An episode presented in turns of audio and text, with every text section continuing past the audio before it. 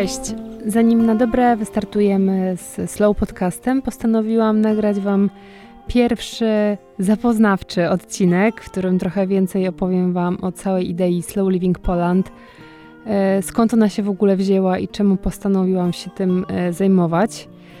I może od samego początku zastanówmy się trochę, zatrzymamy się trochę przy pojęciu slow life. Ja mam wrażenie, że ten nurt powstał już tak naprawdę kilkanaście lat temu i cały czas jest aktualny. E, wręcz powiedziałabym, że w ostatnim czasie przeżywa swój kolejny rozkwit. I każdy z nas może mieć inną interpretację tego, tego slow life'u. Dla mnie to nie jest. Slow life nie jest wolnym życiem i to nie jest e, funkcjonowanie w zwolnionym tempie. Bardziej to odbieram jako umiejętność żonglowania swoimi codziennymi obowiązkami, pracą, ale też przede wszystkim czasem. To jest, dla mnie to jest taka umiejętność znalezienia złotego środka, połączonego z równowagą i z harmonią. I skoro mamy czas, większość z nas, na gonienie własnego cienia, ja też na to miałam czas, to postanowiłam znaleźć czas na wartościowy relaks. I stąd tak naprawdę powstał Slow Living Poland. Ja na co dzień e, żyję dość szybko, w dość takim zawrotnym tempie. I uznałam, że weekendy to jest taki czas, kiedy mogę sobie pewne rzeczy wyrównać, zharmonizować i oddać się bardziej sobie i temu, żeby się zaopiekować sobą, swoim ciałem, swoją głową.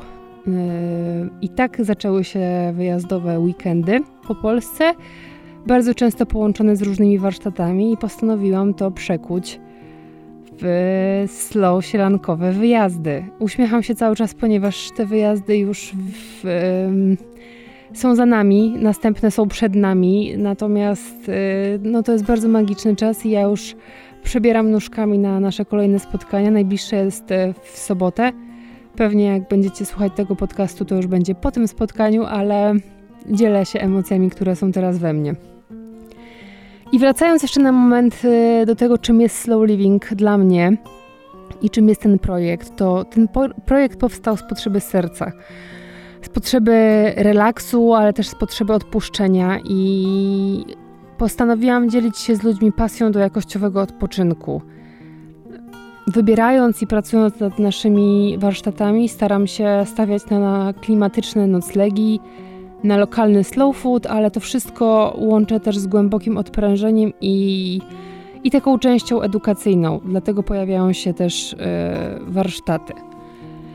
Co więcej, kluczowym aspektem jest dla mnie również naturalność i autentyczność, dlatego na każdym wyjeździe staram się skupiać uwagę na każdej jednej osobie, tak żeby każdy, każda z Was czuły się bezpiecznie, żeby stworzyli swoją komfortową i bezpieczną przestrzeń. Jeśli chodzi o Slow Podcast, to będziecie mieli okazję tutaj posłuchać rozmów e, z bardzo różnymi osobami na przeróżne tematy. Będą to m.in. gospodarze, ale osoby, które też prowadzą część warsztatową na naszych wyjazdach. Więc nie zdradzam, co się będzie działo, bądźcie z nami na bieżąco i Czekajcie na nowy odcinek.